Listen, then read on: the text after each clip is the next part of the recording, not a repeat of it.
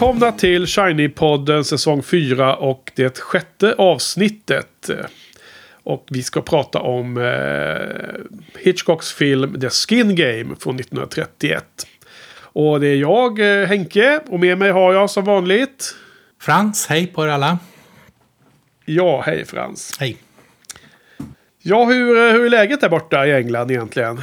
Eh, Överlevt sommaren? det är bra. Det har varit eh, fasansfullt varmt här under en längre tid. Först, först var det ju eh, väldigt, väldigt kallt. Till sent. Och sen så blev det väldigt, väldigt varmt. Ja. All, aldrig, aldrig lagom. Nej, precis. Vi har ju eh, den nya strategin är ju att vi spelar in de här lite i för, förtid och har en buffert. Eh, så att lyssnarna kommer väl vara väl vanda, invanda med hösten här när de hör detta någon gång senare i höst. Men eh, vi har precis passerat sommaren och vi har haft ett litet break här nu då. Eh, ja, men du har överlevt där i värmen i alla fall, låter det som. Ja, ja, rimligt i alla fall. Du sitter ju där och pratar. Ja, precis. Och se om lys- Ja. lyssnarna märker någon eh, nedgång i kvaliteten. Ja, det, det vet man nog inte. Ja, eh, så idag ska vi prata om eh, filmen The Skin Game eh, från 1931.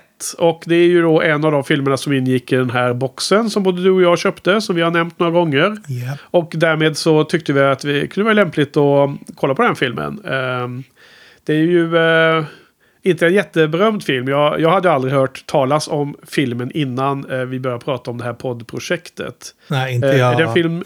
Sorry. Nej?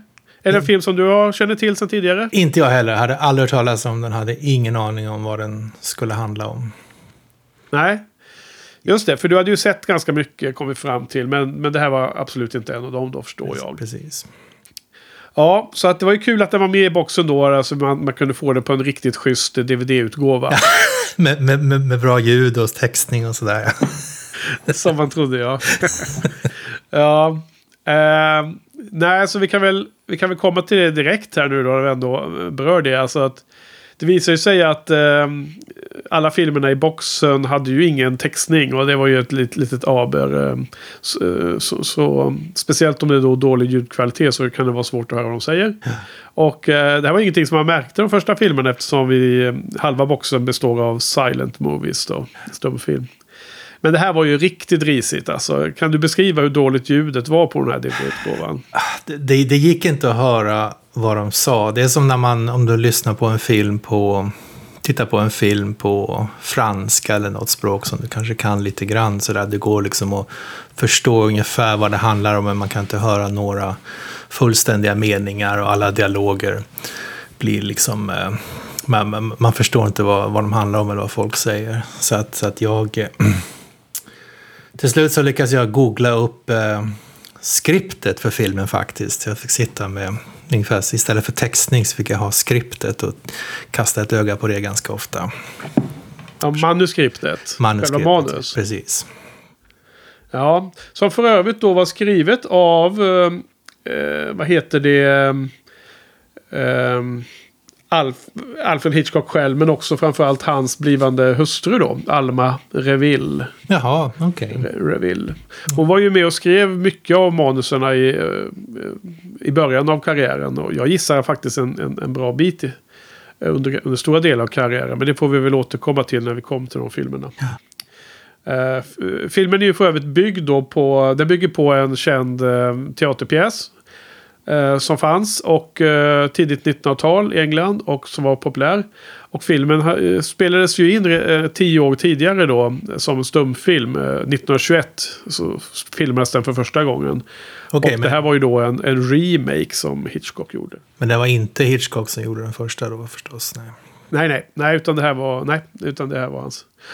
Och eh, nej, men jag håller med. Jag, jag, hittade, jag var inte så eh, kreativ som du var där Frans att eh, ta fram manus från internet. Utan eh, jag spelade eh, filmerna på väldigt högt eh, ljud istället. Eh, ljudnivån här eh, och med, med schyssta högtalare gjorde att jag hörde väl det mesta. Ehm, Även om det var precis som du beskrev här. Att vissa eh, meningsutbyten så förstod man inte allt de sa. Även om man självklart förstod handlingen. För den är ju ganska basic och ganska Eh, eller intressant till att börja med kan vi säga. Men, men, men den är enkel att följa i alla fall. Så eh, jag spelar på väldigt hög volym. Över 50 på min, på min volymknapp. Och eh, ja, kanske inte säger så mycket för er lyssnare. Men relativt eh, i mitt huvud så är det väldigt högt då, då här inne. Vad brukar Och du ha för siffra? Nej, ja, det brukar ju liksom vara på tv så brukar man vara på 20-talet för att det ska vara ganska högt. Och sen då eh, beror det ju lite på hur hög ljud in, inspelningsvolym det är på en Blu-ray eller DVD. Men eh, allting från 30 till 40 och väldigt sällan då över 50. Men, här fick jag kräma på ordentligt då. då. Ja. Men, eh, och det, är- och det är så ojämnt ljud. eh, Den övriga delen av ljudkvaliteten, eh, alltså brusnivå och eh, ljudeffekter som de har lagt till, är ju också varierande över filmen. Eh, Precis som att det är liksom vissa delar av filmen som har tagit skada och blivit jättebrusigt. Och vissa delar som har liksom mycket klarare ljud. Så att det går ju upp och ner det där också. Så att det var ju det var en pina egentligen. Med själva filmupplevelsen när det gäller just eh, ja, ljudet då. då Ja. eh, tyvärr. Eh, och, och man läste också lite om filmen att på den här tiden så kunde man inte spela in ljudet på olika, på andra eh, bandspelare så att säga och addera efterhand. Utan allting spelades in på kameran. Och, eh, så därför så beroende på hur kameran stod i förhållande till skådisarna så, så hörs det ibland nära och ibland långt bort. Och är det till exempel så att en kamera står inne i ett rum och skådespelarna står precis utanför dörren och börjar eh, konversationen och sen ska de då gå in i rummet och så ska liksom scenen avslutas in i rummet. Då hör man knappt vad de säger i första delen av konversationen och sen när de kommer in i rummet så hör man vad de säger. Jaha, alltså de, de hade inte ens den här snubben med en, eh, något, eh, någon apparat med en mick på, en, mick på, på änden som man ser ibland. Alltså jag vet inte exakt hur micken applicerades runt omkring i rummet men att de kunde inte spela in det separat i alla fall utan att det var väl knutet till den, den fysiska eh, inspelningssituationen så att säga. Och eh, om då eh, kameran, om man då inte kan ha fram micken för att den då syns i, i bild på något sätt så, så var det uppenbarligen problem i alla fall. Och, men, men det är ju precis samma anledning till att eh, vi pratade om det i en tidigare poddavsnitt. Att eh, i någon av de här filmerna han gjorde någon så helt fantastisk setup. Där han hade en orkester som stod Ja. och spelade bakom någon, någon, någon vägg. Och, eh, precis. och det var ett bandspelare som, som uh, spelades upp parallellt som skådespelaren fick eh, liksom mima till för att det skulle vara massor med olika ljud eh, samtidigt. När han gjo- gjorde någon form av eh, inre monolog eller vad det var. Jag kommer inte ihåg exakt vad han, han skapade. Eh, Ja, han stod framför badrumsspegeln. Ja, det var den scenen han rakade sig och det. Ja, ja eh, så det var ju lite synd då, då. Men jag tycker ändå att eh, man... Ja, jag fick ändå en, en, en ganska bra bild av eh, hur filmen är och så då. då. Och... Eh, ehm, Lite mer bakgrund då. då. Eh, Jag vet inte om du hann läsa i eh, intervjuboken med eh, Truffaut. Men eh, eh, han är ju extremt, han var extremt kortfattad om den här filmen. Eh, Hitchcock svarar ju angående The Fair Game. Nej, sorry. The, the Skin Game. Att nej, den var, den var bara påtvingad från filmbolaget. Och det finns ingenting att säga om filmen. det var allt liksom. Ja. Så, så det här var ingenting som han hade valt själv då. Eh, vad tror du om detta? Hur, hur känns det? Är det någon kommentar? Eh, nej, egentligen inte. Egentligen vill man säga att ja, det märkte man, men jag tyckte inte att det märktes på något speciellt sätt. Det var en eh, va- vanlig film. Ja, Som- den var tydligen ganska framgångsrik ändå. Och, eh, kan du förstå det? Eller hur, hur, hur tyckte du om filmen i generella ordalag? Tyckte du att den var nog bra att ha eller? Ja, det kan man väl kanske lite grann förstå. Att, den, att det var vissa scener som var ganska spännande och det var eh, en ganska eh, tragisk historia. Och säkert, men själva temat är ju fortfarande aktuellt. Så att jag kan tänka mig att det var skapade känslor på den tiden också.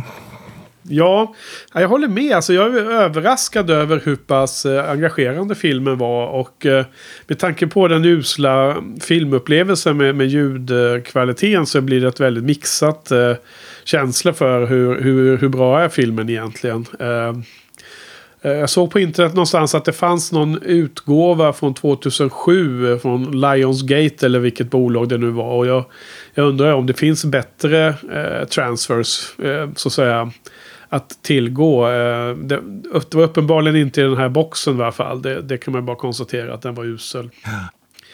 Eh, jag måste ändå säga att eh, Tematiskt är ju filmen ganska spännande. Det, Hitchcock han har ju i flera av de här filmerna i början av karriären och kanske senare, vad vet jag, eh, berört det här klasskillnaderna, liksom, kampen mellan klasserna. Liksom.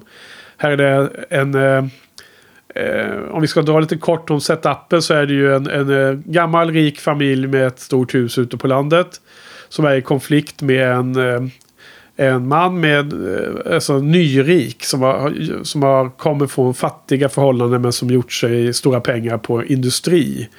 Och som då köper upp mark runt den här eh, gamla eh, familjen som har bott där jättelänge i många generationer. Och eh, den familjen som bor där eh, är oroliga för att det ska byggas eh, fula fabriker och skorstenar ute i det vackra brittiska landskapet. Och eh, så är det en kon konflikt däremellan. Och eh, den här nyrika mannen eh, är lite street smart och lyckas köpa den, den, den sista eh, tomten som säljs då. Som är när, eh, angränsande till den här eh, Hillcrist-familjen.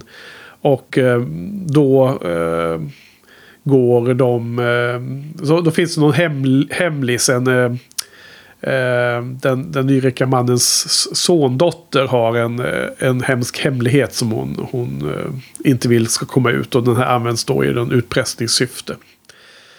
Så det, jag tycker det är, intressanta, det är intressant med den här uh, konflikten mellan uh, ja, gammal rik familj och uh, den här arbet, arbetarsnubben.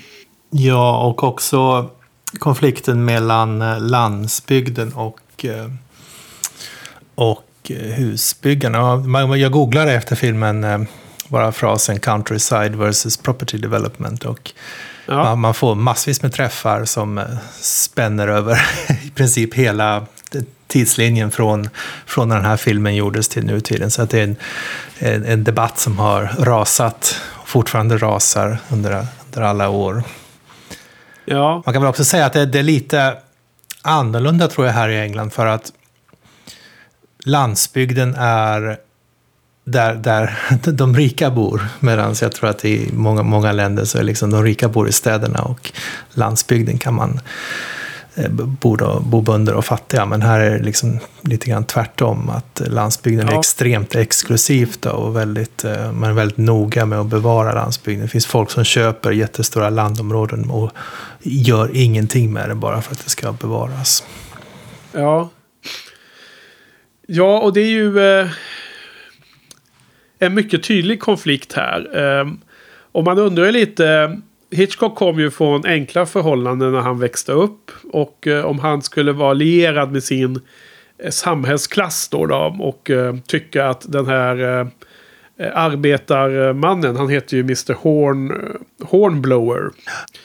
Eh, man undrar ju då om Hitchcock skulle så att säga liera sig med honom och sympatisera med honom. Men jag tycker att i den här filmen så gör han ju inte det. Utan, eh, eh eller det är lite oklart och jag vill gärna höra din input. Om du tycker att filmen tar ställning till någon av dessa två. Antingen Mr Horn, Hornblower som är då den här nyrika. Eller eh, familjen Hillcrest som är de, den, de gamla pengarna som har det här stora huset ute på landet. Ja, jag uppfattar det inte som så. Jag tyckte att han beskrev Hornblower, den nyrike fabriksmannen som ganska otrevlig. Jag tyckte det var det intrycket som man försökte förmedla. Men samtidigt så eh, konsekvenserna som han beskrev av den här nyrika familjen och deras ageranden var ju också, var ju å andra sidan väldigt fruktansvärda också. Så jag vet inte hur man ska, om, om man ska tro att menar du, han... Menar du konsekvenserna av, den, av, de, av, de, av, Hill, av Hillcrest, det gamla? Precis, precis. Gamla rika? Precis. Ja, okay. ja, förlåt, jag, kan, jag kanske sa fel där. Just det.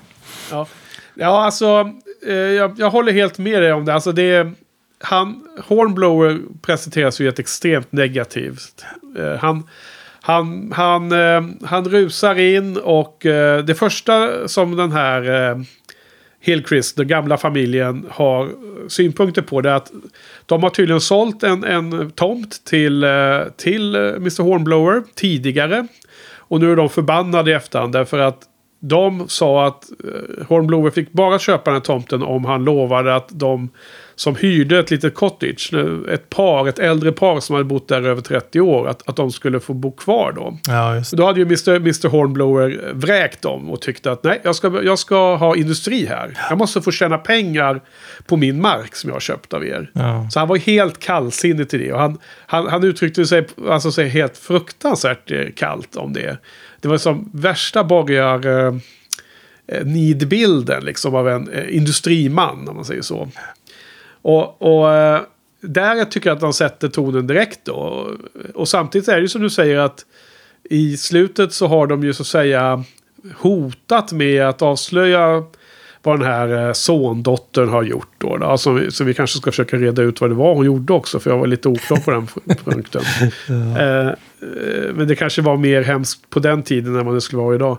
Men eh, eh, det lustiga är ju att den här eh, Hillcrest-familjen, de tänker ju inte använda sig av informationen. Men bara det faktum att det har börjat eh, pratas om det, det, det har ju spridit sig då olyckligtvis. Så, så att hon får ju ta smällen ändå och hennes man eh, blir ju eh, hemsk och elak mot henne. Och eh, ja, så att liksom det, det slutar väldigt i moll allting. Det är ju väldigt eh, sorgligt slut alltså. Ja, det är ju väldigt abrupt och fruktansvärt. Det var helt, i alla fall för mig var det helt oväntat att en film kunde sluta så överhuvudtaget. Känns Ja, som på all, all, 1971. ja, det känns som man aldrig hade slutat så idag till exempel. I alla fall inte en Hollywoodfilm. Det är ju, eh, vi, vi spoiler, spoilar ju i denna podd så att vi, det är väl inget att hymla om då. Utan hon, eh, den här kvinnan, hon, hon är ju dessutom gravid eh, med första barnet och hon eh, tar ju livet av sig i en, i en liten sjö i slutet, eller en liten pond. Äh, väldigt hemskt och abrupt slut. Eh, men, men jag funderar på att det här, den här pjäsen måste ju ha skrivits där tidigt 1900-tal, om inte tidigare. Och det är väl liksom i eh, sluttampen på den här stora industrialiseringen som var på 1700 och 1800-talet i England. Och att det liksom eventuellt sågs som något väldigt bra, någon positiv framtidsutveckling och att det skulle vara att den här personen som personifierar den här industrialiseringen, att det skulle kunna vara mer positiv vibb runt och sånt. Men det var uppenbart inte i den här filmen i alla fall. Nej. Nej. Ja, eh, sen är det också intressant att i den här eh, äldre familjens eh, eh, The Hillcrists så är ju mannen där, han är ju en eh, patriark. Eh, men han är ju ganska passiv och han är ju inte, han, han, han, han tar ju inte tag i det här och liksom är den som driver på som, som leder till det här hemska slutet. Utan det är ju frun i huset. Mamman till, till, eh, till dottern och allihopa här. Så det är ju Mr Hornblower mot Mrs Hillcrist som är eh, vendettan i den här filmen. Det tyckte jag var en ganska härlig eh, bit också. Liksom att det, eh, jag menar, det är ju ganska realistiskt. Det är väl klart att det säkerligen finns i massor med små samhällen där det finns en eh, familj som har bott jättelänge. Att det kan vara eh, mamman i huset som är nog så drivande på att styra och ställa runt omkring. Men, men eh, det kanske inte är det vanligaste man ser i film alltid. Eller, eller hur tänker du där? Nej, det var inget jag, inget jag reagerade på. Men det... Nej, anledningen till att jag rea- reagerade på det var att jag läste, eh, oklart om det var på Wikipedia eller om det var någon annanstans, att det står om filmen som att det beskrivs som att det är mellan Mr Hornblower och Mr Hillcrist som det är en konflikt. Jaha, Men jag, jag, tyck, men jag, jag tycker i filmen så är det mellan Mr Hornblower och Mrs Hillcrist. Eh, Visst, eh, du håller med eller? Ja, ja, visst, absolut. Ja. Eh, För hon, hon, hon vill ju inte ens berätta det här för sin man. Hon, hon, du vet, hon tar den där hjälpredan man nu heter. Han heter... Då- upp det här, Dawker. Dawker, Dawker. Han tar honom liksom på sidan och så här. Och varken hennes eh, äkta make eller dottern ska få reda på de här liksom... Eh, de här ränkorna som hon smider i, i bakgrunden. Ja, och när de, när de berättar det till slut för eh, Mr Hornblower så gör de det kanske inte med syftet att utpressa honom utan mer för att han, han ska vara medveten om det. Det känns som att de gör det i alla fall intala sig själva att de gör det av vänlighet för att han, han, han måste veta om det, tycker de. Ta, fattar du det så? Ja. Nej, så fattar jag det inte alls. Därför att de har ju... Alltså, eh, de, delvis. Alltså, de har skrivit ett köpekontrakt. Och eh, först och främst så vann han ju då den här auktionen av den här sista tomten som skulle säljas. Han vann, vann den på, för 9500 pund. Och den var värderad till under eh, någonstans runt 4000 eller vad det var. Under halva priset. Ja. Och han gjorde ju det vid att ha en bulvan. Och eh, Hillcrest blir ju så här för, förgrymmad då. då. Men det kan jag då tycka att eh, det fanns ingen anledning att bli förgrymmad där. Det var väl självklart att det kunde finnas en bulvan. Så det var bara att bjuda och vinna den auktionen om man ville vara, försäkra sig om det här. Måste vara fair, fair Men vi- play, vet du. Men han, han spelar ju fult också. så Han hade ju också en... Ja, han hade också en bulvan. Så att jag, jag, jag så tyckte att han var störd på det. eh, Köpte jag inte för fem öre. Men, och det är ju där namnet kommer ifrån. va? The, the Skin Ga- Game. Det, det betyder någon form av uh, lurendrejeri. En uh, oärlig uh, businessoperation. Vad det nu stod på Wikipedia. Ja, fast de säger det i början av filmen också. Han säger... Han anklagar Mr Hornblower redan första minuterna för att det är ett skin game. Att han köper upp de här husen och driver ut folk sen han har lovat att de ska... Ja, precis. eh, I samband med de här, det här gamla paret som har bott i en, cot- cottage för över 30 år. Så att, absolut, så, så det, det är det de anklagar honom för. Men i vilket fall som helst, när de konfronterar Mr Homeblower så har de ju redan skrivit ett köpekontrakt. Att de ska få köpa tillbaka den för summan 4 000 pund. Så Ja, okej. det, är ju, det är ju en renodlad utpressning. Men, men de säger ju direkt så här att vi kommer inte berätta det här. Men du måste veta att om du inte uppföljer din ände av det här, det här avtalet. Som, som också innehåller att, in, att han inte ska bygga några höga vad heter det, bollmande skorstenar i deras utsikt. Eller vad det var. Så, och plus att de då ska få köpa den här tomten som det handlar om för, för halva priset än vad han gav. Så eh, då, då, då kommer vi liksom kunna använda den här hemska informationen om det, av din sondotter. Eller eh, vad heter det? Son, eh, sonfru. Men så, så det, är, det är ju en ganska eh, snygg eh, utpressning där. Men, eh, men den backfire eftersom informationen har liksom slunk, slunkit ut. Och de kan inte containa situationen längre, de här Hillcrists. Nej, precis. Så det blir ju tyvärr och elakt då. Ehm, ja. Nej men eh, ganska bra film faktiskt. Men, men usel eh, kopia så lite svårt att njuta av filmen. Men eh, helt klart eh, intensiva och ganska bra skådespelarinsatser måste jag säga. Ja, jag, Det- jag håller med. Jag tyckte att man... eh, man eh, det, det blev väldigt långtråkigt. Man satt aldrig och kollade liksom hur mycket är det kvar och sådär. Utan det Nej, precis. gick i ett svep. Och eh, lustigt nog så har jag också koll på att det är eh, de, de två antagonisterna, Mr Hornblower och Mrs Hillcrist, är samma skådisar som spelade i stumfilmen tio år tidigare. Jaha, okej. De måste Eh, ha varit mycket det yngre. Ja, ja precis. Tio år yngre. Men, men, men också att, eh, att Hitchcock tog samma. Lite, lite kul ändå i någon mening. Ja, visst. Eller? Ja, visst. Jag visste inte det. Nej. Eh, och då när jag väl började kolla på det här med skådespelarna så eh, började jag lägga märke till att eh, som, vi, som vi redan har sett tror jag att Hitchcock återanvänder ju skådisar gärna. Och eh, verkar som att tre, fyra filmer verkar vara favoriten innan, innan liksom de byts ut. Eller att de återkommer eh, på så många filmer ungefär. För att han som nu spelar Mr Hornblower, han heter ju Edmund Gwen. Är det en skådis som du känner igen Frans? För jag vet att du har sett en eh, Hitchcock-film som han kommer spela i senare i karriären. Eh, nej, jag känner inte igen honom. Nej, för att förutom att ha varit med i den då första The Skin Game-filmen då som jag nämnde så är det, han med i, i tre ytterligare Hitchcock-filmer. Och, och dels är det Waltzes from Vienna från 34 och den, den är en film som vi inte ska se. Men, men däremot de nästföljande två. Dels Foreign Correspondent från 1940. Men också The Trouble with Harry från 1955. Ja, ja, ja. När du säger det, så absolut. Ja. Uh, den har jag ju sett med dig för länge, länge sedan och har inga minnen av mer än att uh, det är en komedi. Och att, uh, jag vet inte vilk, vem han spelar där, men han, han, Han är ju då 24 år äldre än vad var i den här filmen ytterligare. Så att han är ju, han är ju ganska gammal redan här. Så han måste vara en gammal gubbe där då. Ja, precis. Ja, och sen har vi hon som spelar Mrs Hillcrest som jag nämnde var, var med i den här första stumfilmen. Hon heter Helen Hay och hon är också med i The 39 Steps som vi ska se. Ja, kul. Eh, sen har vi då eh, Charles Hornblower.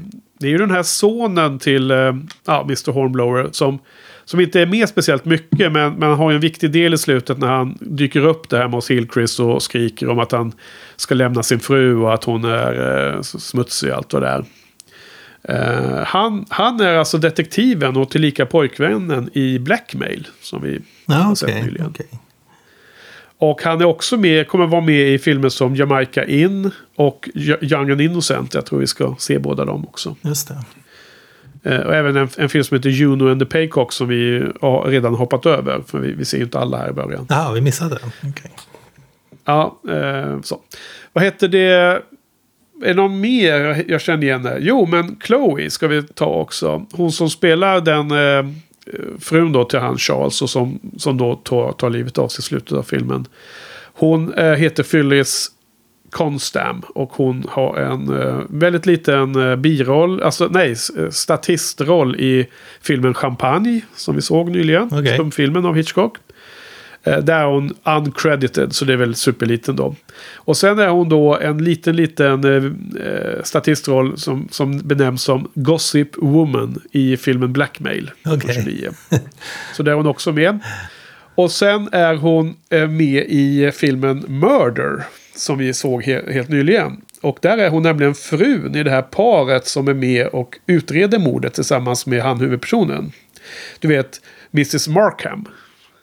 Okej. Du vet. M- murder. Har du Ja. helt glömt det här redan? Ja, det, det står lite stilla nu, men jag känner igen Ja, namnet. okej. Känner Då får vi rekapitulera. Vi har ju haft sommarledighet emellan, men Ja. lyssnarna hörde ju, på, hörde ju om filmen Murder förra veckan. Det. Det är ju eh, den här eh, eh, skådespelerskan som blir anklagad för att ha mördat sin väninna. Och som blir fälld i en domstol. Och sen är det han som är den här teatermannen. Som, som, som satt i juryn. Som kommer på att hon är antagligen oskyldig. Just har han hjälp av, Just av paret Markham och gör en, en privat utredning. Och de håller på fram och tillbaka. Så de här paret är ju jättelustiga hela tiden. Ja, ja, hon är ju jätterolig i den filmen va? Ja.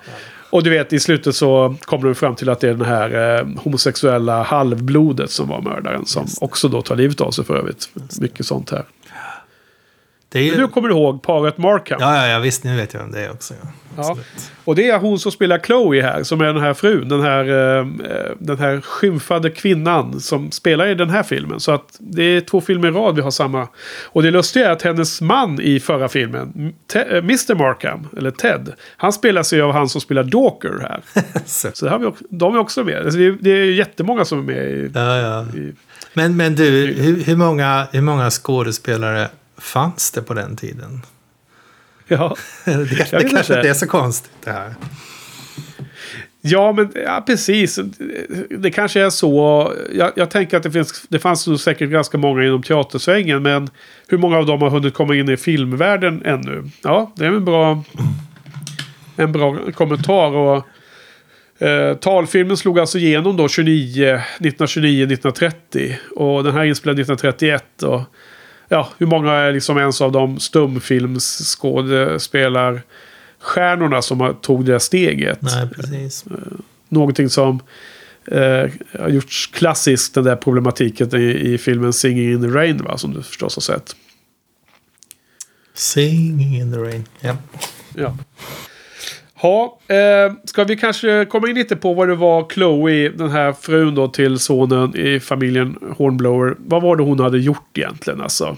Kan, du, kan du beskriva hennes, eh, hennes förehavanden innan hon gifte sig med Charles? Ja, det, det kan jag. För att jag har nämligen läst på här på tåget hem idag. Jag hittade Ja. en eh, avhandling om eh, engelsk eh, skilsmässolag under åren.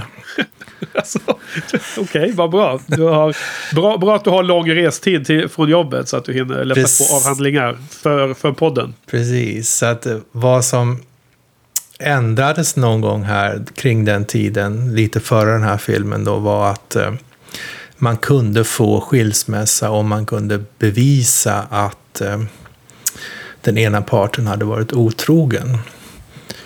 Så att vad folk gjorde då om de ville skiljas, eller om mannen ville skiljas till exempel, så anställde de eh, kvinnor som skulle låtsas vara deras älskare. Så att om mannen ville skiljas till exempel så hyrde han en kvinna för en natt. De gick in på ett hotellrum och så, såg till att eh, hustrun fick den här informationen och foton och sånt. Och så satt de där på hotellrummet hela natten och så gick de ut på morgonen igen.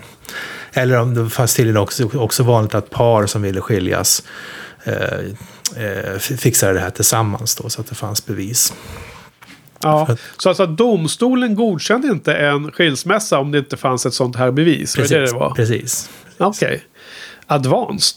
Eh, och dåligt. Ja, extremt dåligt. Det verkar som att det, ja. att det inte varade så länge. Det, var, det finns en, tydligen en berömd bok av A.P. Herbert som heter Holy Deadlock från 1935. Som, som beskrev det här, drog löje över den här lagen. Och sen ändrades det tydligen ganska snart. Okej, okay, vad bra. Eh, fördelen med, med lite mer vettiga samhällen att man kan ändra på dåliga lagar. Ja. Eh, så eh, hon hade alltså... För det var lite oklart för mig som då inte hade hjälp av manus. Det var ju om hon hade, om det var någon sexuell transaktion med i detta eller inte. Men jag, jag gissar att det var så som du beskrev nu. Att hon hade bara liksom, att det var, fast det ändå var liksom en, en, en, en ful grej att göra. Att delta i den här typen av, av, av uh, fusk då. Eller den här typen av uh, falsarium. Ja, det, det ja. var illa nog liksom. Att hon, hon, hon blev... Uh, hon var ingen bra kvinna då. Att, att, för att hon gjorde de uppdragen så att säga. Precis. Det är det, det, är man ska tolka det som. Det, jag gissade också ungefär så, men det var ändå så. Det kändes ändå så orimligt. att var tvungen att kolla upp hur det, vad, det var, vad det var de refererade till. Ja, jag menar, en, Eh, viktorianska tidseran var väl, när tog den slut egentligen? Det var väl någonstans där runt det gamla sekelskiftet va? Och det var, det var liksom farligt att visa fotleden liksom, eller ankeln. Då kanske det här också ansågs vara ett väldigt stort avsteg. Ja, det, det var ju också, tyckte jag, lite intressant att den som skrev den här pjäsen, han, hade ju, eller han eller hon hade ju full frihet att hitta på precis vad som helst för hemskheter som hon hade gjort i sin eh, i sitt tidigare liv. Men eh, det, det som man fastnade vid var just detta. Jo. Ja, men eh, ja, det var illa nog då för att eh, den här Charles, eh, eller rättare sagt han, han, i filmen får ju inte hennes man då reda på vad hon har gjort. Utan antagligen kan han ju ha eh, fantiserat ihop ännu värre saker då, då. Prostitution och allt möjligt liksom. Är det så? Är, är det så när han får sitt som det kändes ganska orimliga utbrott där. Är det så att han inte vet riktigt vad det är som hon har gjort? Bara att det är en hemlighet? Eh, med, med, reservation för att jag inte kunde uppfatta tydligt varenda ord som sades så var min, min uppfattning att han kom in rusande och sa att jag vet bara att hon har en hemlighet och jag måste få veta vad det är. Eh, hon, hon ljuger för mig, jag kan inte leva med henne, jag ska kasta ut henne. Just det, okej. Okay. Ungefär så sa han, fast med något fler ord och allting på en eh, teater eh, brittiska. Queens English. Och då hade ju Chloe stått och gömt sig där bakom draperiet. Eller vad heter det? Ja, bakom gardinerna. Och så hörde hon detta hemska och sprang ut och dränkte sig i, i the, Little Pond. Ja, det var rimligt. Det. Det, det, det, var en intressant, eh, eller ja, inte så intressant, men äh, märklig anekdot jag hörde om äh, själva dränkningsscenen. Aha. Eh, tydligen så, jag, jag, lä, jag, lä, jag vet inte var jag läste någonstans, men jag läste att precis som du sa i början att Hitchcock var väl ganska uttråkad av den här filmen. Men när det kom till den här dränkningen där så roade han sig med att eh, göra otaliga omtagningar. Så han, tydligen så dränktes hon genom att någon eh, slängde i henne i den här kalla poolen och det skulle han ta om hela tiden. Bara som en slags grym, grymt spel som han roade sig själv med. Och sen så kom det, kom det ju inte med i filmen överhuvudtaget sen utan man fick bara se hur de bar upp kroppen sen. Ja, precis. För att jag känner inte ens igen scenen som du sitter och beskriver. Men du målar upp en ganska elak bild om eh, Hitchcock alltså. Så han var ett asshole då. Eh, tydligen, om jag, om jag läste det här rätt så var han tydligen det i den här situationen i alla fall. Oj då, ja ja, där ser man vad du slänger in så här i slutet på podden. Ja. Lite random. det inte var värt, Nej, värt men att det... eh, Ja. återberätta. Ja. Nej, det är ju... Eh, har vi någon... Vad har vi på Hitchcock egentligen? Eh, Var han liksom en eh, elak eh, person i, som regissör och hantering av sina eh, skådisar? Eller var han eh, snäll eller var han mittemellan? Jag menar, vad, har du någon koll på... Finns det någon... Eller finns det något allmänt som är känt om honom i denna... Jag, jag har ingen koll nämligen. Ja, Jag har jag, inte jag har ingen koll heller. Alltså det, det, li, det lilla sådana här lösa fragment man har hört. Om man, om man skulle summera dem så pekar det väl på att han kanske inte alltid var så trevlig. Men det finns inget, inget konkret bakom det. Nej. Det är väl någonting vi, vi, vi får ha spaning på då. då. Ehm, och ehm, nu kommer jag tänka på att eh, i den här boxen som vi nu eh, använder oss av och tittar på de här filmerna.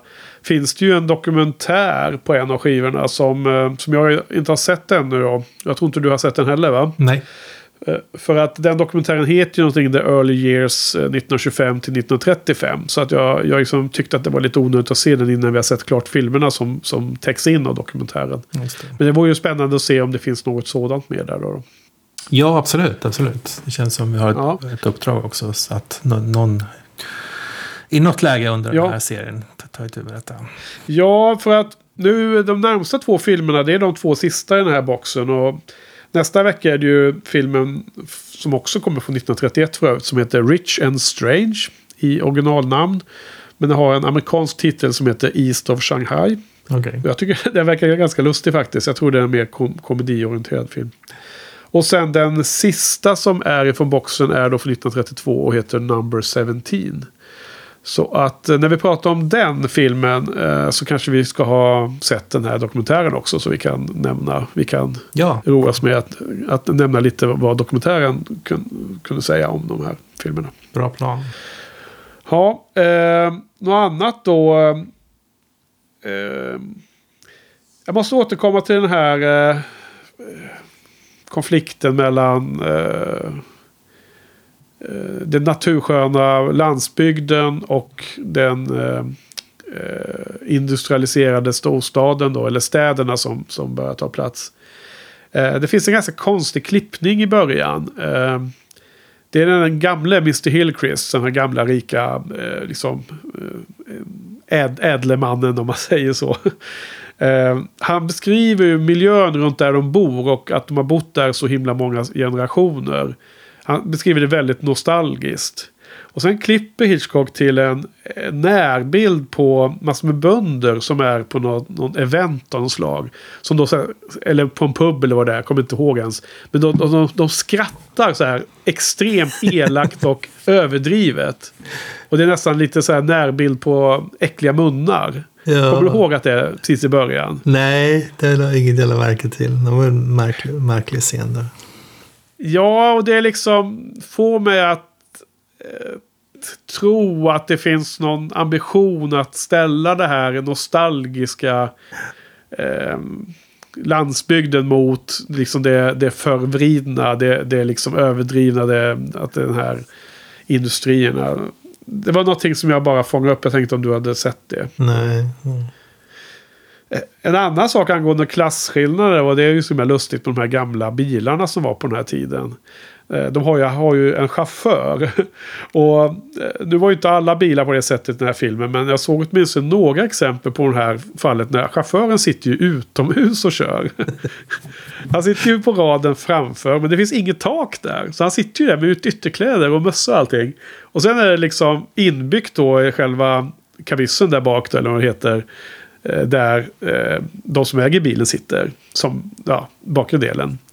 Eh, Du vet de gamla bil, bilarna. Det ser man i gamla amerikanska filmer också. Men, ja, men det, är, det är väl en direkt eh, fortsättning på droskor och diligenser och sånt. Bara, bara satt en motor på, samma design. Ja, det, det lustiga är att, att den designern då inte kan slita sig från det gamla. För det, visst är det gammal droska. Eh, som är överbyggd då, lite dyrare variant. Och så sitter då eh, han där uppe på och fryser där då i, i snålblåsten och regnet. Och då gör man en bil, då ska det vara likadant. Men det finns faktiskt en bil där också chauffören sitter under tak. Så att man har börjat bygga in allting där då. då. Så att eh, jag tror man fick se båda exemplen i den här filmen. Ja, ja. Det, det engelska språket är fullt av eh, idiom som eh, ändrar inte på något om det funkar. På, på, på det temat. Ändrar inte på något även om det funkar dåligt. Precis.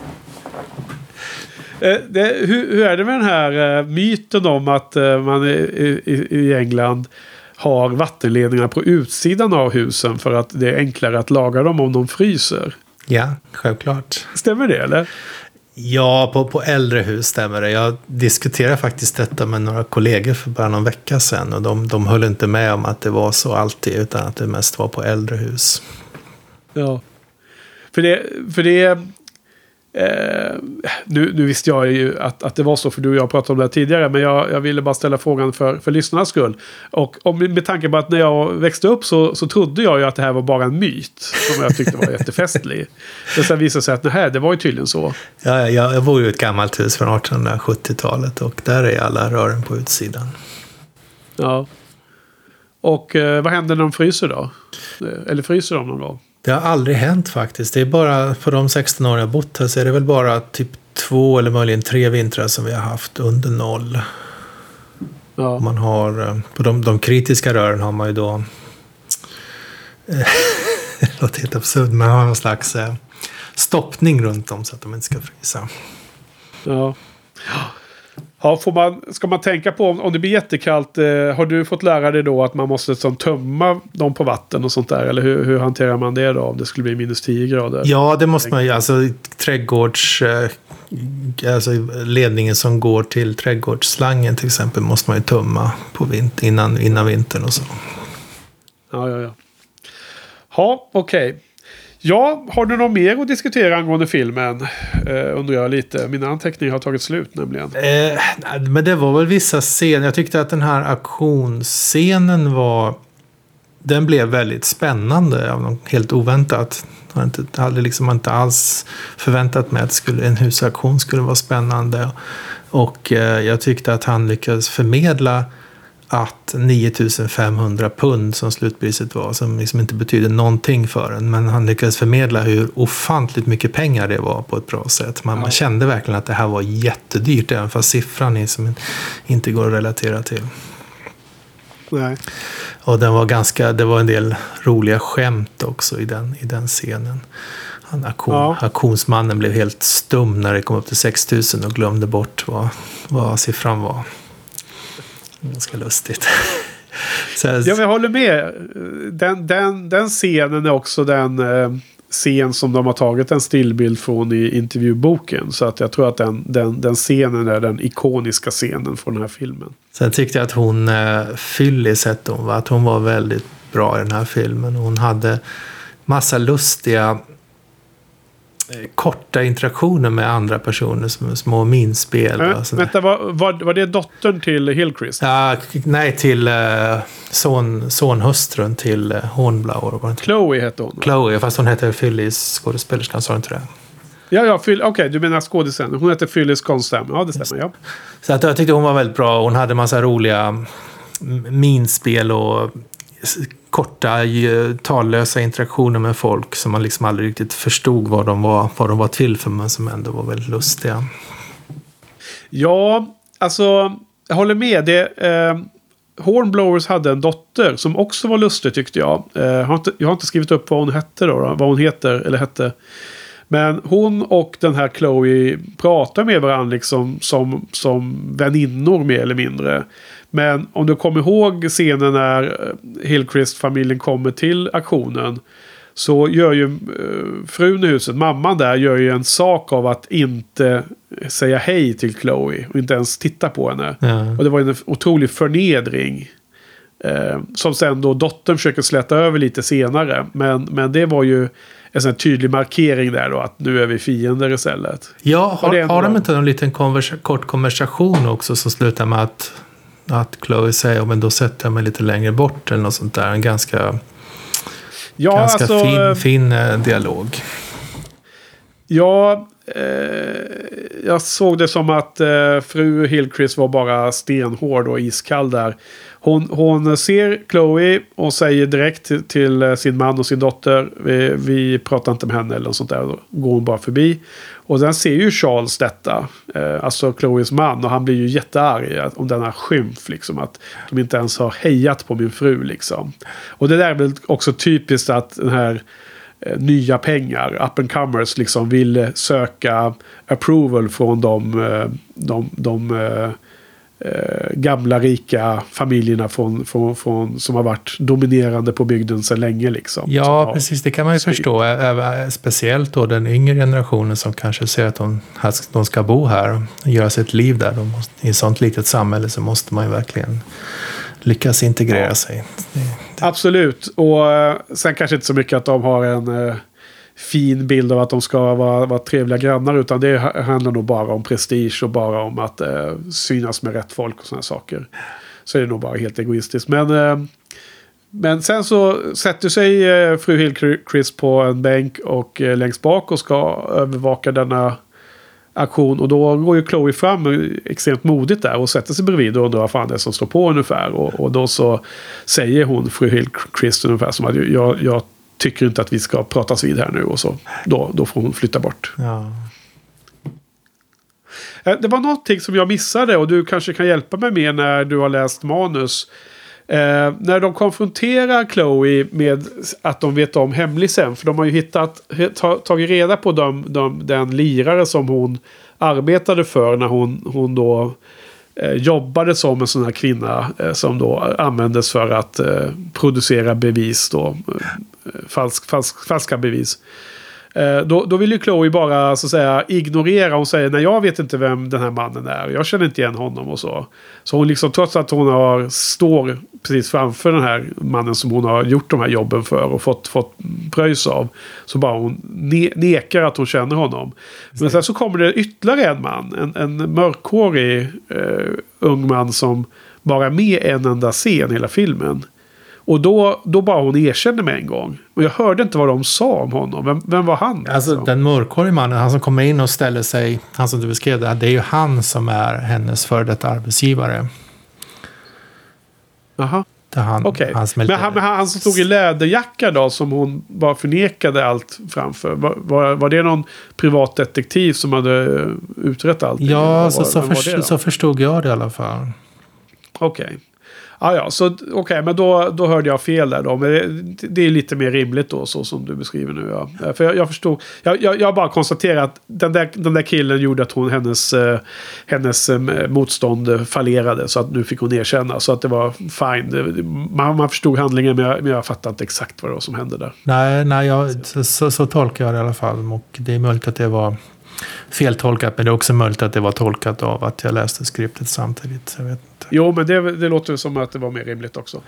Ja, okej, vad bra. Då fick vi ordning på det. Men du, eh, vad tycker du om filmen då? Vad, vad har vi för några betyg på den här? Eh, vad kan det bli?